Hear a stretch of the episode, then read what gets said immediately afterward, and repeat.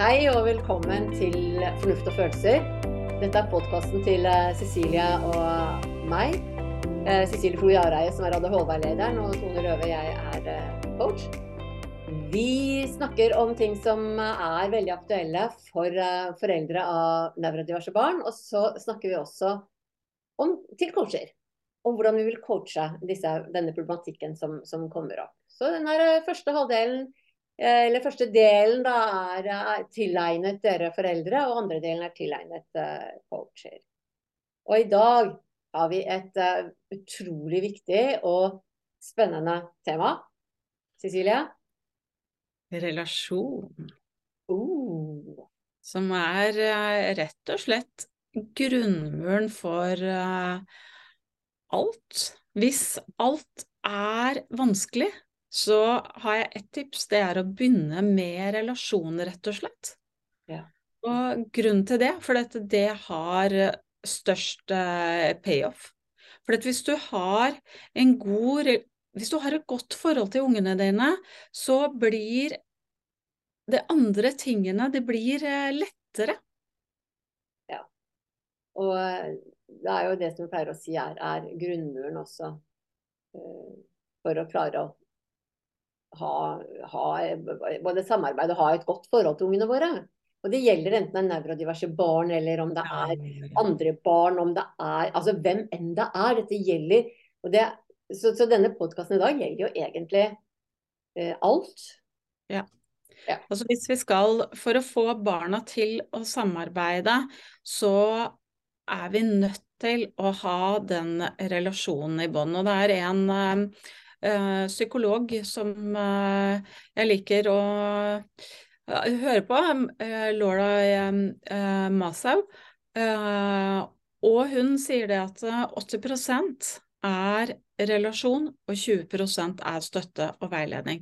Og Hvis du ikke har den relasjonen, så vil, ikke, så vil det ikke fungere å veilede ungene, rett og slett.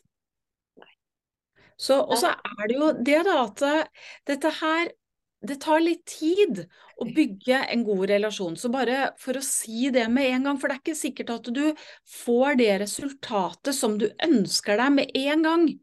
Men her er det å ikke gi opp. Altså tenk langsiktig, fordi at du får det til på lang sikt. Og det er jo sånn med de fleste gode forhold også, at det må, det må fylles på kontinuerlig hele tida. Og det er jo, eh, det sier vi jo med ekteskap og alle forhold også, at det er jo Det krever jo en jobb for å vedlikeholde og holde det bra.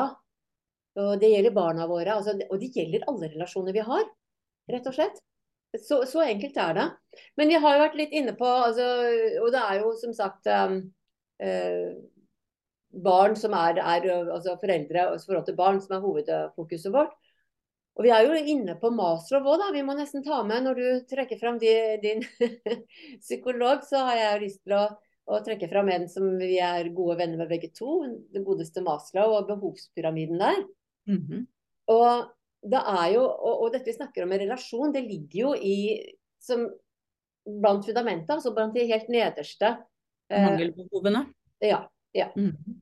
Som er helt nødvendig for at mennesker kunne trives og ha det bra ja. Hva er faktisk relasjon å ha altså, Du har de fysiologiske behovene som går på sult og tørst og søvn, og liksom ha et hus å bo i, kulde, fravær av det altså Alt dette her som er de livsnødvendige.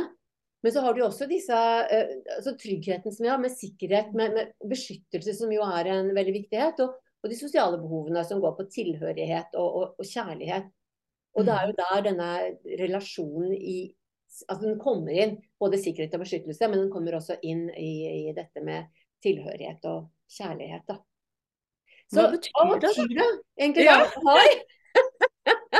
ja, vi begge to. Men, ja, men altså, når jeg prater litt, så tenker jeg at for deg, hva tenker du at det er De har en god relasjon? Hva, hva betyr egentlig det?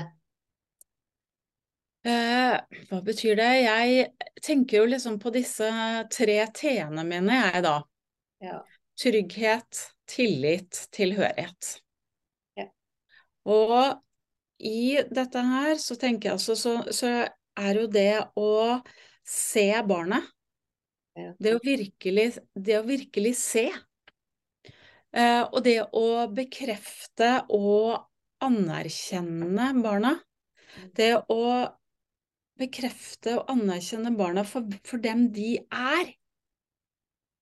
Og la de få lov til å være seg. Og noe som er kjempeviktig, som det er lett å glemme i hverdagen, det er involvering. Og det er altså når vi, når vi involverer ungene, så blir de så glade. Og vi får så mye igjen for det. Og det betyr ikke at ungene skal få lov til å gjøre som de vil. ikke sant? Det er ennå vi som er lederen. Men vi tar, vi tar de med. Tar dem på alvor. Ja. Mm. Og, det ja. og hvis vi gjør det, hvis vi ser, hvis vi bekrefter og involverer, da tenker jeg altså da får vi denne tryggheten, tilliten og tilhørigheten. Ja, og for det er jo noe med det der med å se også og, og bekrefte at det, det, er lett å gjøre når ting fungerer, når ting er positivt. Men det er jo altså Når det stormer, når ungene kanskje har den vanskeligste atferden, det er jo da de trenger det aller mest. Det å bli ja. sett likevel. Altså, mm -hmm. For jeg tenker jo at det å ha en utfordrende atferd, det er egentlig altså veldig ofte et rop om å bli sett. da. Et rop om å bli, bli bekrefta, et rop om å bli involvert. Mm. Liksom, la meg være med. La meg bli sett. Eh, ja. Et eller annet med, med, med uh, La meg fortelle meg at jeg er god nok sånn som jeg er. Ja. Og det er jo noe som uh, nevrodiverse barn uh, ofte strever mye med. For de får så mange negative tilbakemeldinger. Sånn så selvfølelsen til de barna jo gjerne, blir jo gjerne dårligere og dårligere. Så det å at de skal få lov til å, å være, være seg, at de er gode nok som de er. Og da er det så innmari viktig å tenke på hvordan vi kommuniserer med de. At vi er bevisste på at vi gir positive tilbakemeldinger, og ikke hele tiden kommer med den der masinga og kritikken 'nå må du slutte med', og 'du skulle gjort', og 'hvor mange ganger har jeg sagt at', ikke sant? Det å endre på, på måten vi kommuniserer på, det er helt avgjørende altså, for å få den gode relasjonen. Mm. Og så er det jo et moment her sånn, som, som, jo eh, vi ikke har i manuset vårt, men som jeg tenker på er også så innmari viktig. Det er, eh, Vi snakker jo gjerne om du, ikke sant. Og det, for å klare å skape den gode relasjonen, så er det et par ting som jeg tenker på at er, er superviktig. Og det er at uh, du tar vare på deg sjøl. Mm. Fordi at uh, du trenger å ta vare på deg selv, du trenger å ha et snev av overskudd for å klare å bygge den gode relasjonen. Mm. Og ikke nok med det, men når du tar vare på deg sjøl, så viser du også barnet ditt at det er OK å ta vare på seg sjøl, at det er en viktig del av jobben. Altså, du, vi, vi kan, altså, uansett hvem vi er og hvordan vi håndterer livene våre og barna våre, vi er rollemodeller. Mm. Så barna vil ta etter vår atferd. Og Hvis vi da klarer å gå fram og ha en atferd som viser at, at vi klarer å gi respekt og kjærlighet til oss sjøl også, så er det noe vi viser barna at er en viktig ting å gjøre. Så, så jeg tenker at det er, det er fint å jobbe med hele tida denne startpakken som heter du. Ja. Eh, og når du jobber med deg sjøl, så vil du også få mer overskudd, sånn at du lettere kan klare å skape den der relasjonen som jo er grunnmuren i forholdet til, til eh, barna. Jeg pleier å, å, si til foreldre at hvis det er vanskelig å ta vare på deg selv for din egen del, ok, så tenk at du gjør det for ungene dine sin del. Ja, ja. Det kan være lettere å motivere seg da. Ja. Men det er viktig, og det er ikke egoisme. Og det er, og det er litt det som er, eh, som er så lett å tenke, at når jeg tar vare på meg sjøl, så setter jeg meg sjøl først. Og da er jeg egoist. Ja. Og det er ikke det. Det er rett og slett uh, sunn fornuft. Det er å ivareta seg Skal vi ta det bibelske også? Jeg vil gjerne ta med det bibelske også. Jeg er ikke så kristen av meg, men det står i Bibelen du skal, altså budene du skal elske din neste som deg selv. Mm. Ergo du skal elske deg selv. Mm. Og det står faktisk der at du skal elske deg sjøl mest fordi du skal elske din neste som deg selv. At du, du skal elske deg sjøl først. Ja, det var et, eh, et godt uh, poeng. Ja, Jeg, jeg, jeg syns det er kjekt å ta med litt Bibel innimellom. Jeg er ikke sånn, jeg er ikke noen kirkegjenger, jeg er ikke noe sånn i det hele tatt. Men jeg syns det står mye bra i Bibelen. Ja. ja. Nei, men da, vet du hva, da skal jeg eh, elske meg selv veldig høyt. Da har jeg litt å gå på, kjenner jeg, i forhold til liksom så glad jeg er i ungene mine. Ja, det har de fleste av oss. Men, men ja. det er noe med å klare å snu den tanken om at det å elske seg selv, det å, å håndtere seg sjøl, at det er så egoistisk, det er faktisk en utrolig viktig del av jobben av grunnmuren. Og ikke minst fordi at ungene, du er rollemodell for ungene. De, du viser hvordan du skal behandle det. Altså, du viser gjennom hvordan du behandler deg, så viser du hvordan de skal behandle seg sjøl. Ja. Så nå kan det være mange som Jeg kjenner at jeg får litt dårlig samvittighet når jeg sier det. Men jeg tenker på at jeg har ikke vært det beste rollemodellen på barna mine, og de er voksne nå. Men eh, det er jo aldri for sent. Nei, det er ikke det. Og så har vi jo åtte åtte områder eh, Tone, som vi tenker er viktige for oss å få en god relasjon. Jeg tenker at eh, noen av dem også er ganske sånn konkrete. Og så vil jeg si før vi går inn, eh, inn på de åtte områdene, så ikke tenk nå at du skal begynne å jobbe på alle åtte områdene på en gang. For det kan bli litt overveldende. Men når, du, når, vi går gjennom de nå, så tenk liksom hva er det en av disse her som jeg har lyst til å starte å jobbe med? Mm. Så, det, det, som taler mest til deg, tenker jeg. Ja. Det som du kjenner at vinker litt på deg. Mm. Mm. -hmm. Eller den som trigger deg aller mest. Det er ofte at vi kan vente litt med dem, for det hender jo at det er ja. disse som du bare får veldig motstand mot. Da betyr det at den, det er veldig mye med den. Og da kan du velge om du vil begynne med den, eller om du vil vente med den kan være lettere å begynne med noe som er som du har litt utfordringer med, men ikke så veldig. For dette da kan du Det kan hjelpe på motivasjonen, og så kan det ha en litt sånn payoff-effekt, ikke sant. For dette du kommer litt sånn fort i gang. Ja. ja. Det, så, er, det er, helt fint å være vennlig med seg sjøl og gjøre det som, som uh, er Begynne med det enkleste først. Ja. Mm. Det første eh, området det er eh, rett og slett at det er greit å gjøre feil. Ja. Den liker jeg litt, for jeg er jo litt sånn eh, eh, perfeksjonist og prøver å jobbe litt med det. Men det å skape et trygt miljø der det å gjøre feil faktisk er noe naturlig, og noe vi ønsker å, å lære av. Fordi at når vi gjør feil selv, så viser vi også til barna våre at men vet du hva, det er jo helt naturlig, alle gjør feil. Men der har jeg et, og det, det er noe jeg har hørt Tony Robins eh, podkast eller eh, YouTube eller hva det var for noe. Og der intervjua dem nemlig ei dame, ei utrolig suksessrik eh, dame. Som har tjent millioner på millioner på millioner og har en utrolig tøff holdning til livet. Men hun sa det at hver gang hun kom hjem fra, hver dag når hun kom hjem fra skolen, så spurte faren har du gjort noe dumt i dag. Og, og hver gang de hadde gjort noe dumt, så var det feiring. For det betydde at de hadde gått utenfor komfortsonen, at de hadde våget å gjøre noe, at de hadde vært modige. Så kult! Ja, det er dritkult. Ja, så, så, det med å feire at vi gjør dumme ting og gjør feil, men det er tipset oss også, Cecilie, at her har vi, her har vi et, et strekk. Så nå framover så må vi finne ut av hva dumt har du gjort i dag, og så kan vi feire det. Ja, den, eh, den likte jeg. Ja. Så er det Den eh, blir også egentlig sånn, eh, syns jeg er en fin overgang til toeren, som er Det tror jeg er min favoritt, altså. Tone hjemme. Hvordan ønsker du at det skal være når du går inn døra hjemme? Hvordan skal stemningen i huset deres være? Ja. Og da tenker jeg at eh, hvis man har da denne her, hvis det er greit å gjøre feil og feirer når man har gjort eh, noe dumt, ikke sant, så tenker jeg at det, det, gjør noe med en gang med stemningen. Det gjør det. Ja. Og det å få til litt løssluppen stemning rundt middagsbordet også, da. Og da kan du gjerne gå fram med et godt eksempel og fortelle noe dumt du har gjort først. Mm Gud, i dag gjorde han noe kjempedumt. Uh, og dette lærte jeg av det. Ja. Og det å bruke mye humor, altså.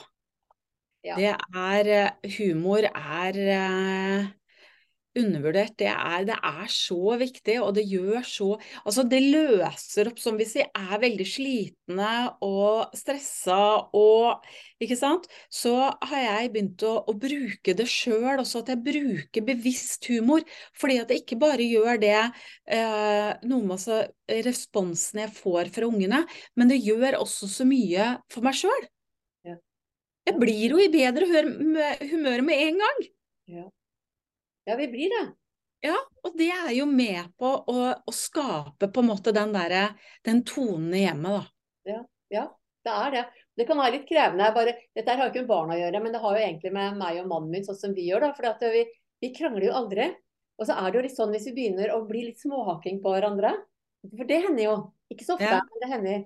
Og da tar vi hverandre i det, og så, og så ler vi av hverandre, eller, og ler av oss sjøl. Ja.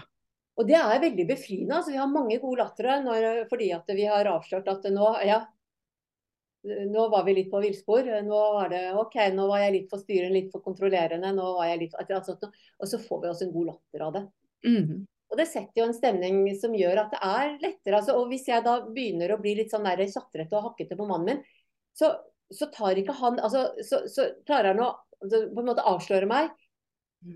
Og det blir en helt grei eh, altså, tone i heimen, selv om en av oss er slitne.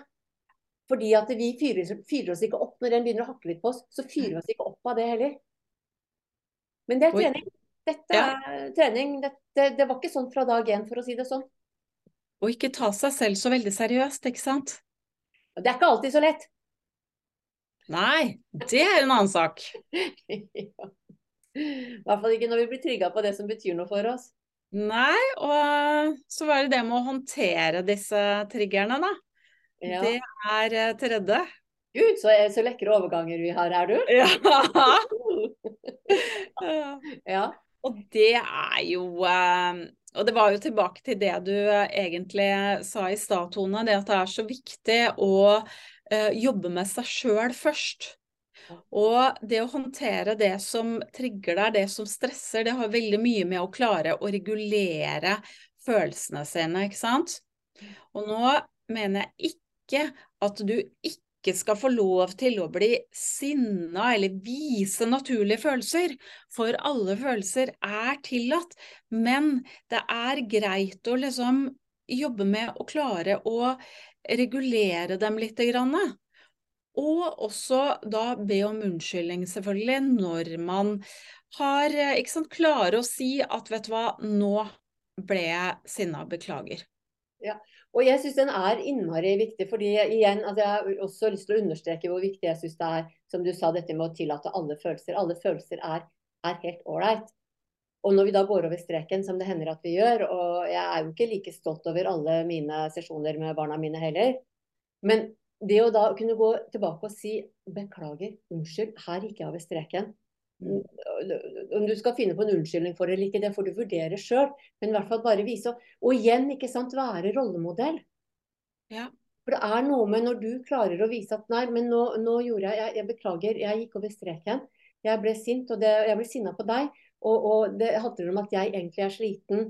Det, altså, et eller annet sånt noe. Mm -hmm så vil det lære oss alle å reflektere mer over hva er det som skjer. Fordi jeg vet jo at når jeg blir sinna på andre, det, det handler jo ikke om dem. Det er jo fordi det er et eller annet i meg. jeg har det tøft på en eller annen måte. Ja. Og da agerer jeg med å bli sinna på andre, fordi jeg takler ikke hva det nå enn skal være. Og det å lære seg til å ta ansvaret for, for de følelsene. Ja. Ikke sant? Dette her er mine følelser. Ja. Det er bare jeg som kan ta ansvaret for det. Det er jeg som kan gjøre noe med det. Mm.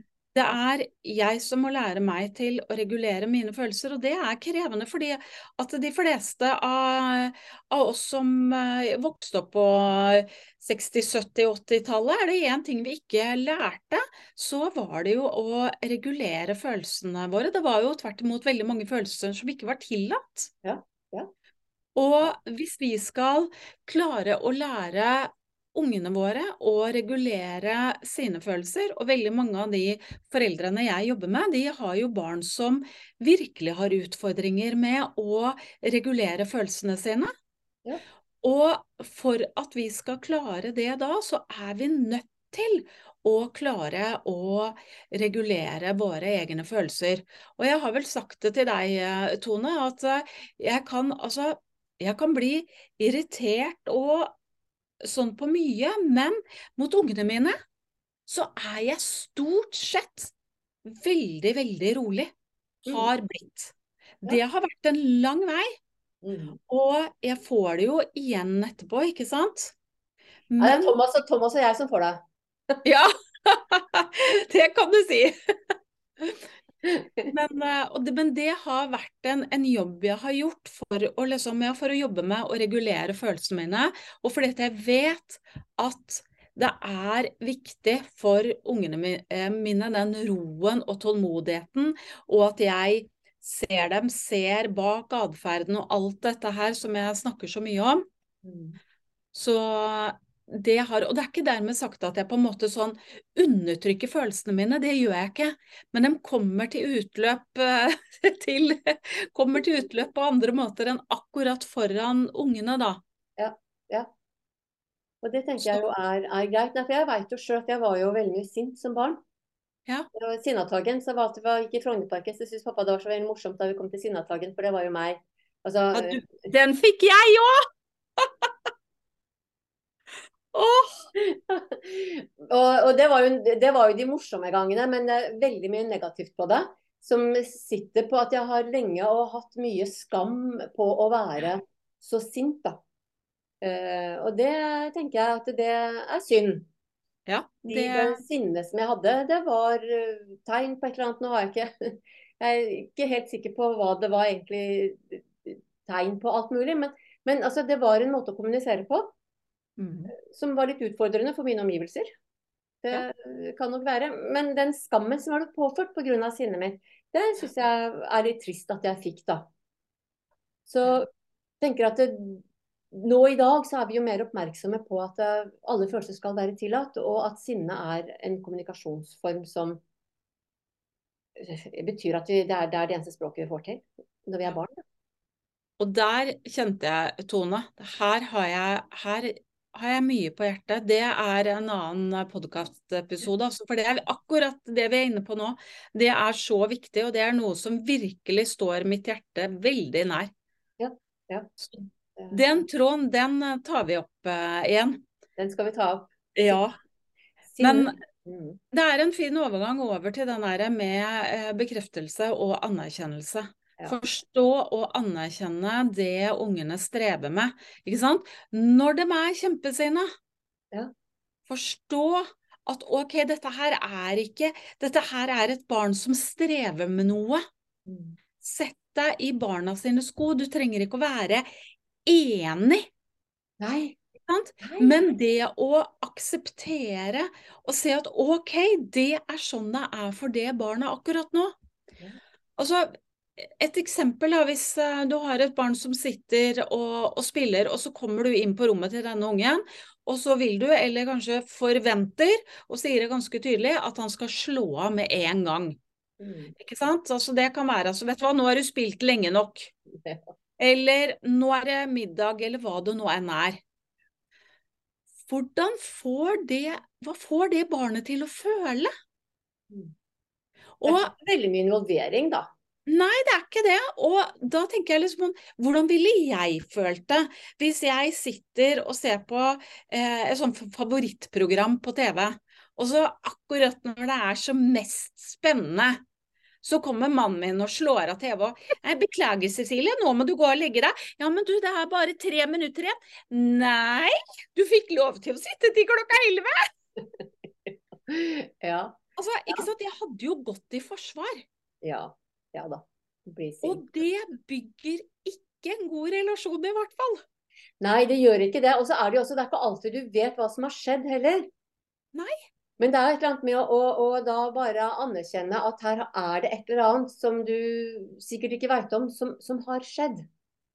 Men jeg har bare lyst til å ta det, for jeg, jeg, jeg veit jo at uh, noe av det Det er jo kanskje passe bedre sinneprogram igjen, men jeg husker også noe av det som skjedde flere ganger uh, når jeg blei sint, var at jeg ble ledd av. Ja. jeg ble, jeg ble håna uh, fordi at jeg ble sinna som en uh, lite lemen. Uh, og det var ikke noe anerkjennelse, altså. For å si det forsiktig. Og det har jeg også jobba med veldig med mine barn hvis de har blitt veldig sint. Altså når de har blitt veldig sint, så, har jeg, så vet jeg at det har, vært, det har vært veldig veldig lett og veldig fristende å le av dem. og det har jeg vært veldig nøye på at det gjør vi ikke.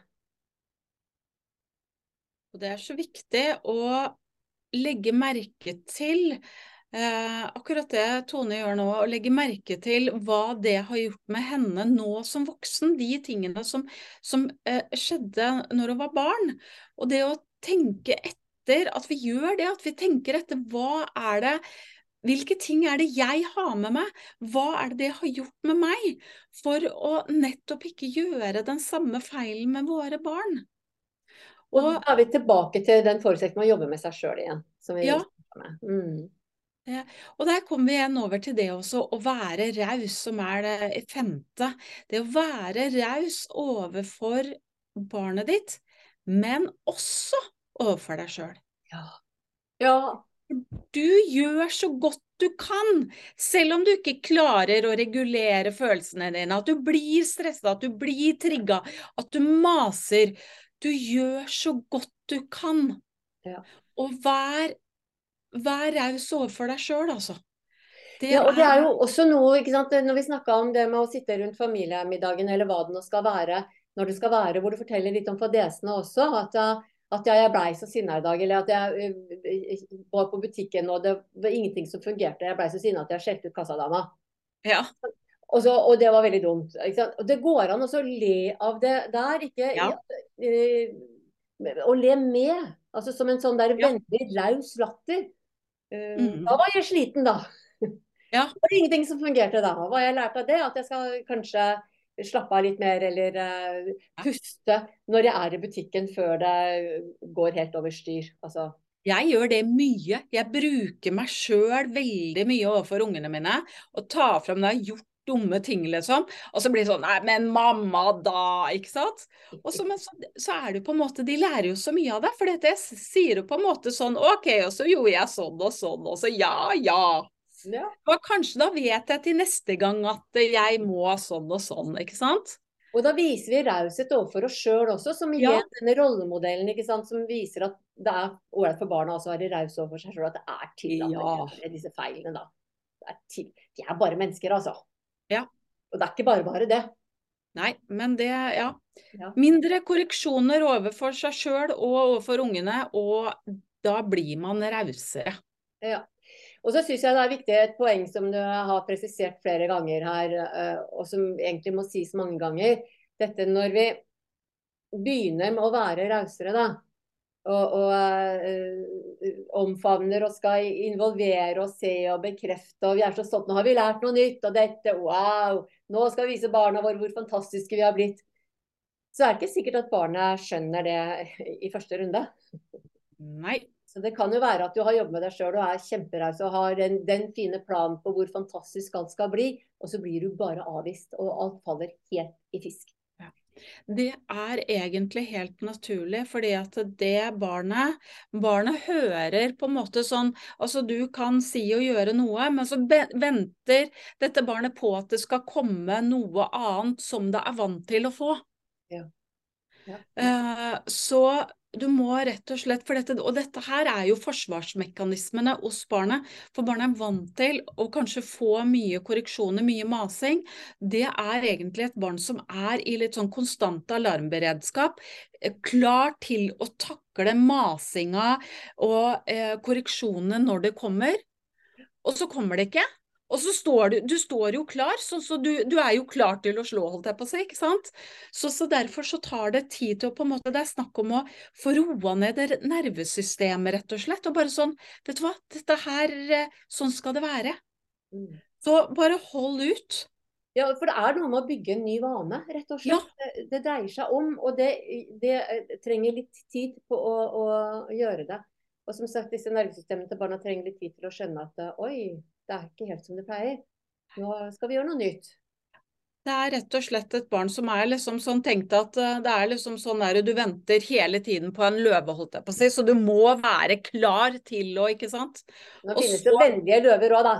Ja. så det å klare å på en måte OK, her er det trygt. Her kan jeg faktisk slappe av. Her kan jeg ha senka skuldre. Mm. Det er dit vi ønsker å komme. Ja, ikke sant. Og da gjelder det å holde ut, være tilgjengelig. Og, og, det er kanskje sånn når du blir avvist i starten, så, så ikke, ikke, det å klare å ikke bli snurt og bli litt sånn der Ja, nei, skal det være sånn, så var det samme. Så ja. det er veldig lett å reagere sånn, for vi går jo i forsvar vi også når vi blir avvist. Det er jo grusomt å bli avvist av barna våre når vi har skjerpa oss sånn og skal være vennlige. Mm. Men da er det et eller annet om å gjøre å klare å puste og roe ned og så håndtere avvisninga og bare Men jeg er tilgjengelig for barnet. Mm. Ikke ta det personlig, det dreier seg ikke om deg. Nei. Nei. Mm. Det er noe med det. Så er den eh, sjette, det er å ha troa på ungene våre. Ja. ja. Og ofte så har ungene så lav selvfølelse, og så har de ikke noe jeg jobba mye med det i forhold til yngstedattera mi som hatt så lav selvfølelse. Og så er det liksom sånn å nei, jeg kommer ikke til å klare noen ting, jeg, ikke sant. Å nei, jeg kommer aldri til å bli sykepleier, nei, som har vært store drømmen hennes, liksom. Og så er det sånn herre Men så kan jeg holde den visjonen, da. Vet du hva? Jeg ser at du ikke Du tror ikke på det nå, men jeg tror på det. Jeg kan se for meg at du kommer til å bli en flott sykepleier. Og det hjelper også oss litt til å droppe disse her katastrofetankene som vi har hele tiden.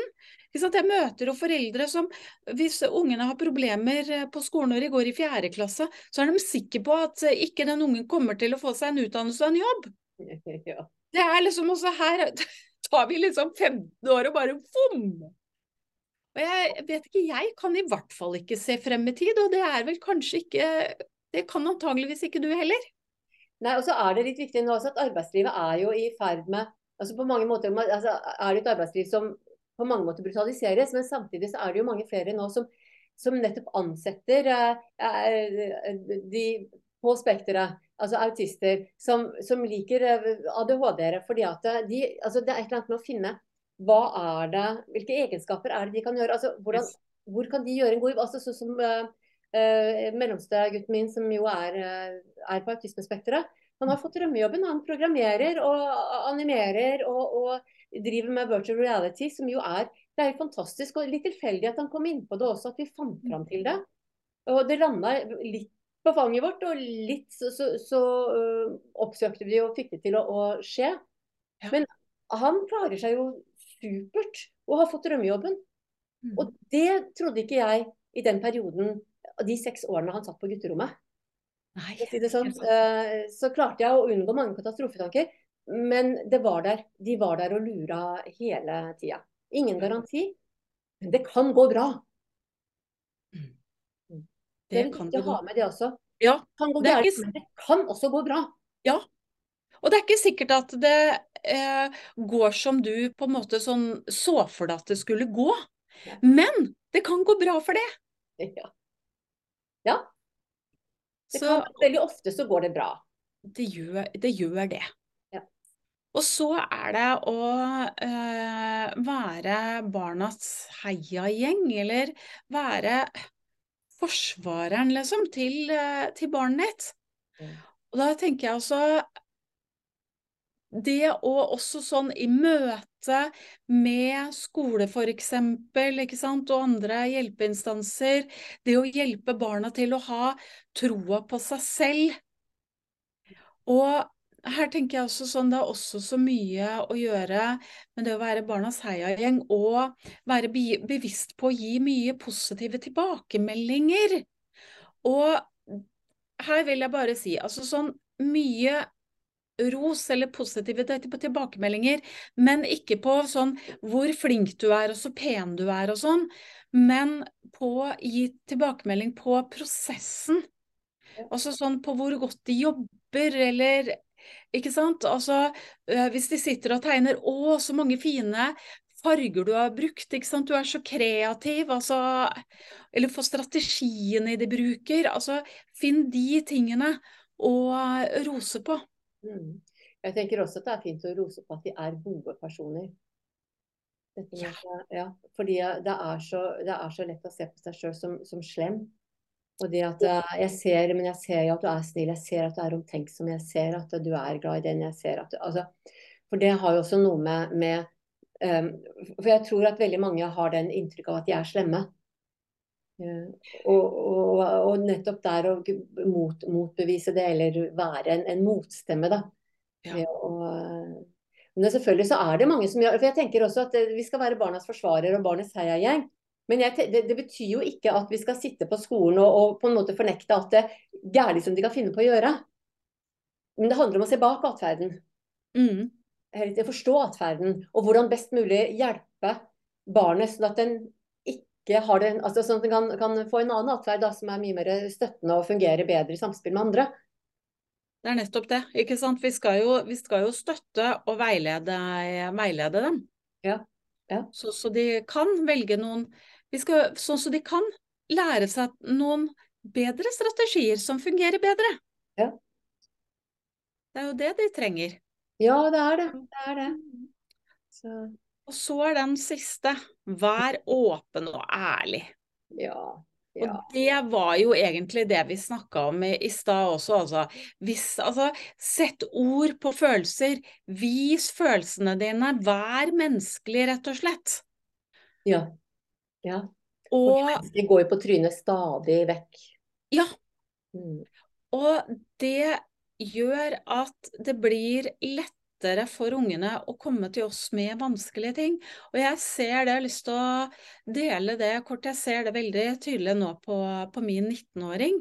Når hun på en måte så nå har skjønt at uh, mammaen var ikke noe glansbilde når hun var 18-19 eh, år heller, gitt. Ikke sant? Jeg gikk på trynet, jeg òg, mange ganger når jeg var 18-19 år. Og det gjør at nå tør hun å komme til meg. Ja. Og det har vært så deilig, fordi at eh, da har vi, vi har den der tilliten til hverandre. Og jeg vet at hun er det noe, så sier hun ifra. Og hun vet at jeg ikke blir sur og sinna. Men samtidig så er det litt viktig å si det. Altså, jeg har også uh, uh, gjort mitt og, og, prøvd mitt for å si til gutta mine at dere, dere, kan komme til meg med hva som helst. Jeg skal tåle alt. For det er nemlig ikke alt vi vil få som er spesielt hyggelig å høre. Og da er, liksom, er det viktig at vi også vil kunne klare å, å romme det som kommer. For det kan være tøffe ting, og det må vi klare å håndtere. Eh, dersom vi åpner opp for at de skal kunne komme til oss med alt. Ja. Og da er det viktig å ha jobba med det å regulere sine egne følelser eh, igjen også. Og det å også klare å, å unngå den verste katastrofetenkinga. Flere, flere, ting der. Men jeg syns det er viktig den der med den åpenheten og ærligheten. At vi, vi rett og slett vi, vi, er hele mennesker. Jeg tenker det er, det er det beste vi kan være, og det er den beste rollemodellen vi kan være. Og det er sånn vi kan stå stødigst og i størst grad være der for ungene våre. Da. Og så har jeg bare lyst til å, å si, fordi at Uh, dette her er jo ikke, ikke sant, det å klare å regulere følelsene og, og klare å på en måte gjøre alt det vi snakker om, at det som vi selv må, må gjøre. Hvis du som hører på tenker at åh, ikke sant, dette her er jo helt umulig, så har jo på en måte altså Både Tone og jeg, vi har jo eh, hatt mye coaching sjøl. Når vi er coacher, så betyr det også at vi har gått i mye coaching sjøl. Og det vet jeg at jeg hadde ikke den indre jobben jeg har gjort, hadde jeg aldri klart å gjøre om jeg ikke hadde øh, fått hjelp. Så det er jo en ting er, tenker jeg også, det vi, det vi, har gjort, eh, det er jo en, mye jobb. Og så kan vi også nevne Vi har jo vært inne på det før at vi snakker sammen ganske så ofte. Og mm. både Cecilie og jeg er coacher, og vi bistår og støtter hverandre hele veien. Og, og er der for hverandre og ikke sitter og syns synd på hverandre, men, men utfordrer. det er ikke mm. alltid behagelig når vi snakker sammen. Eh, alltid utviklende når vi trenger det. Så, mm. så, og, og, vi tør også, for noe, vi kjenner hverandre godt. Så, så, når jeg helt tydelig lukker meg, så går Cecilie på. med klump i magen og alt som er. og det gjør jeg også med henne. Eh, selvfølgelig, vi må føle oss litt fram, fordi eh, det er noen ganger så er det så, så, krevende at her skal vi la det ligge nå. Men, men, poenget mitt er ja, vi har gjort en jobb over mange år, og den jobben fortsetter vi med å gjøre. Og vi har hverandre. Det, altså, det er noe med Finn noen. Ja. Ikke, og om du ikke skal hyre deg en coach eller et eller annet sånt, men, men, finn en eller annen som kan være din støtte. Som du kan støtte. Sånn at dere har gjerne en som har, er i samme situasjon som deg. Mm. Hvor dere kan komme og, og, gi hverandre både trøst og omsorg og støtte, og også litt sånn utfordringer med, med å tenke annerledes. Mm. Med det dere lærer. Mm. Så det er, og det er også det vi skal være for barna våre, denne heiagjengen. Som er godt, ja. å ha i bak, altså, godt å ha i ryggen sjøl også. Ja, skaff deg en egen heiagjeng. Mm. Mm. Du trenger en som skal være heiagjeng for ungene dine. Ja, og der må jeg jo eh, si da, så der er det jo det, er jo det jeg har ønska å skape med eh, OTM-fellesskapet. Nettopp det å ha denne her heiagjengen. At du har du vet at du har andre foreldre i samme situasjon som støtter deg, og som backer opp, og som heier på deg. Ja. Vi har feirefredag hver fredag, vi. Herlig, er vi på favoritt. Ja. Eh, ja, og nå vet du, du at neste, neste, fredag, altså fredag som kommer om ei uke, så skal du feire en fadese. Ja. Har den med meg. Ja, det er bra. Det er bra. Eh, og så hvis du har lyst nå å starte med en av disse områdene som vi har gått igjennom, så husk det at du velger ut bare én ting som du skal ha fokus eh, på, altså. Og så har vi lyst til å gi et, det enkleste og mest effektive tipset for å utvikle en god relasjon. Ja, ja. Og det er jo superenkelt. Eh, og samtidig så er det ikke nødvendigvis lett, da. Fordi det Nei, fordi at eh, det, det, er superenkelt, men det er ikke lett fordi at du må innarbeide en ny vane. Ja. Og hvis du bruker ti minutter hver dag med hver av barna dine. Det vil si at hvis du har to barn, så bruker du ti minutter på hver av de, så det blir 20 minutter. Hvis du syns det er for mye, OK, så tar jeg ti minutter med barn A og ti minutter, ene dagen og ti minutter med det andre barnet neste dagen. Mm. Og så helst begge foreldrene også med alle eh, barna. For det, det, altså det, som er viktig her, her er det viktig både med kvalitet, men også med kvantitet. Ja. Det holder ikke å gjøre det én gang i måneden, og da liksom eh, ta fullt det. Jeg pleide for noen år siden, så hadde jeg én gang i måneden. Da kjørte jeg full pakke, ikke sant. Med kino og pizza og, ikke sant. Men da var det liksom Da hadde jeg OK, nå har jeg gjort det for en måned. Men det går altfor lang tid mellom hver gang. Så Og det som er viktig her, det er bare sånn ti, De ti minuttene da skal du ha fokus fullt og helt på dette barnet. Det betyr full tilstedeværelse, ingen mobiltelefon. Full mobiltelefon. Du kan ha den i lomma, men ikke ta den opp. ikke sant? Det er noe med det, eh, sånn som det er der. Og, og slå, av, slå, av, lyden, da. Ja, slå av lyden og sånne ting. Og gjerne vibrasjon også, sånn at de ikke merker at uh, den, den, er, eh, er uh, på. Altså. Men det er viktig full, full tilstedeværelse. Fokus på barnet. Mm. Og litt av det samme med regler også, for jeg er vant til at vi skal oppføre oss ordentlig, og, og det gjelder begge veier. Men her gjelder reglene bare for deg. Mm. For det er nemlig sånn at som jeg var inne på før også, at det er ikke usannsynlig at du blir avvist i starten, og at barnet kan avvise å være ufin i starten. Og da er det veldig viktig at ikke du begynner å, å trekke regler nedover huet på barna. At sånn får du ikke lov til å oppføre deg, og sånn går ikke an. Uh, her trengs det å smøre seg med denne tålmodigheten, altså. Som jeg skulle ønske vi kunne få på blå resept. Og da er det veldig fint egentlig også å ha det forutsigbart. Og så ha at dette her er som et møte som du setter opp på kalenderen. For det, det som er så veldig enkelt, det har jeg erfaring med selv også. Jeg tenker at jeg skal gjøre det, og så vips, så gikk dagen, da, gitt. Ja. Også, ja, sett en tid, altså. Det er viktig. Ja, ja. en tid, og at både, at både du og barnet vet at da er det deres tid. Mm. Og den tiden der, den er like viktig som en avtale på jobben. Ja. Ja, er faktisk viktigere, for at barna dine er viktigere. faktisk viktigere enn jobben. Ja. ja. Hvis du begynner å kjenne ordentlig etter. Mm. Så hegne om den tiden der. Og tenk altså, husk at det trenger ikke å være eh, lenge. Og gjør noe som barna har lyst til. Eller hvis det er vanskelig for barna ja. Det er i hvert fall lettere å få med deg ungene hvis du gjør noe som de syns er hyggelig. Så la de få bestemme. Hvis de syns det er vanskelig, så tenk på noe som du vet at barnet ditt uh, liker å gjøre. Og hvis det er sånn at du ikke finner på noe, ok, greit, så sett deg ned uh, uh, foran skjermen med dem da, og la dem vise dem et eller annet som de holder på med der. Vis interesse i det de liker. Mm. Da behøver du I ti minutter så klarer man det. De, de, prinsippene som jeg har slitt med, for jeg likte ikke skytespill, jeg liker liksom ikke skyting. Og, og, det er sånn som uh, kan være greit også å slippe fra seg når vi sitter sammen med ungene med disse skytespillene. og uh, ikke moralisere for mye. Men jeg liker ikke ja. det jeg liker. Skal du skyte? Jeg skal skyte. Ja, men driver du virkelig og skyter hverandre? Ja, men det er ja. det hele tatt. Ja. Den kan man bare legge bort. Den ja. sleit jeg veldig med å legge bort. mm. Men uh, legg den til side. Det er noe annet å skyte på spill enn i virkeligheten. Ja.